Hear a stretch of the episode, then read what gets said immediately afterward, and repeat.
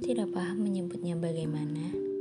Entah ini suatu kelemahan dalam diriku atau sesuatu yang harus aku banggakan dan aku syukuri.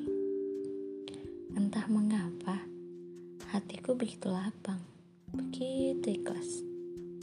Walaupun banyak yang melukainya, ia tetap utuh. Walau masih ada bekas goresan yang begitu mendalam. Ia tak pernah luruh oleh sayatan-sayatan tajam walau berulang kali ia disakiti oleh banyak orang. Hati selalu mengalahkan pikiran. Ingin rasanya membenci, tapi hati berkata, tak perlu, toh semua sudah terjadi. Tak pernah ia membenci sesuatu dalam jangka waktu yang lama, walaupun sudah berulang kali ia dipatahkan. Dalam beberapa menit kemudian, ia kembali seperti semula, seolah tidak terjadi apa-apa. Ia selalu berhasil damai dengan pikiran dan keadaan. Walau badai selalu menerjal, ia tak pernah patah di tengah jalan. Entahlah, ia begitu baik, begitu lapang.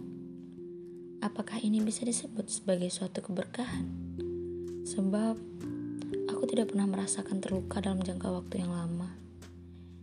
Ia selalu berakhir dengan damai dan kembali seperti semula, seperti tidak terjadi apa-apa.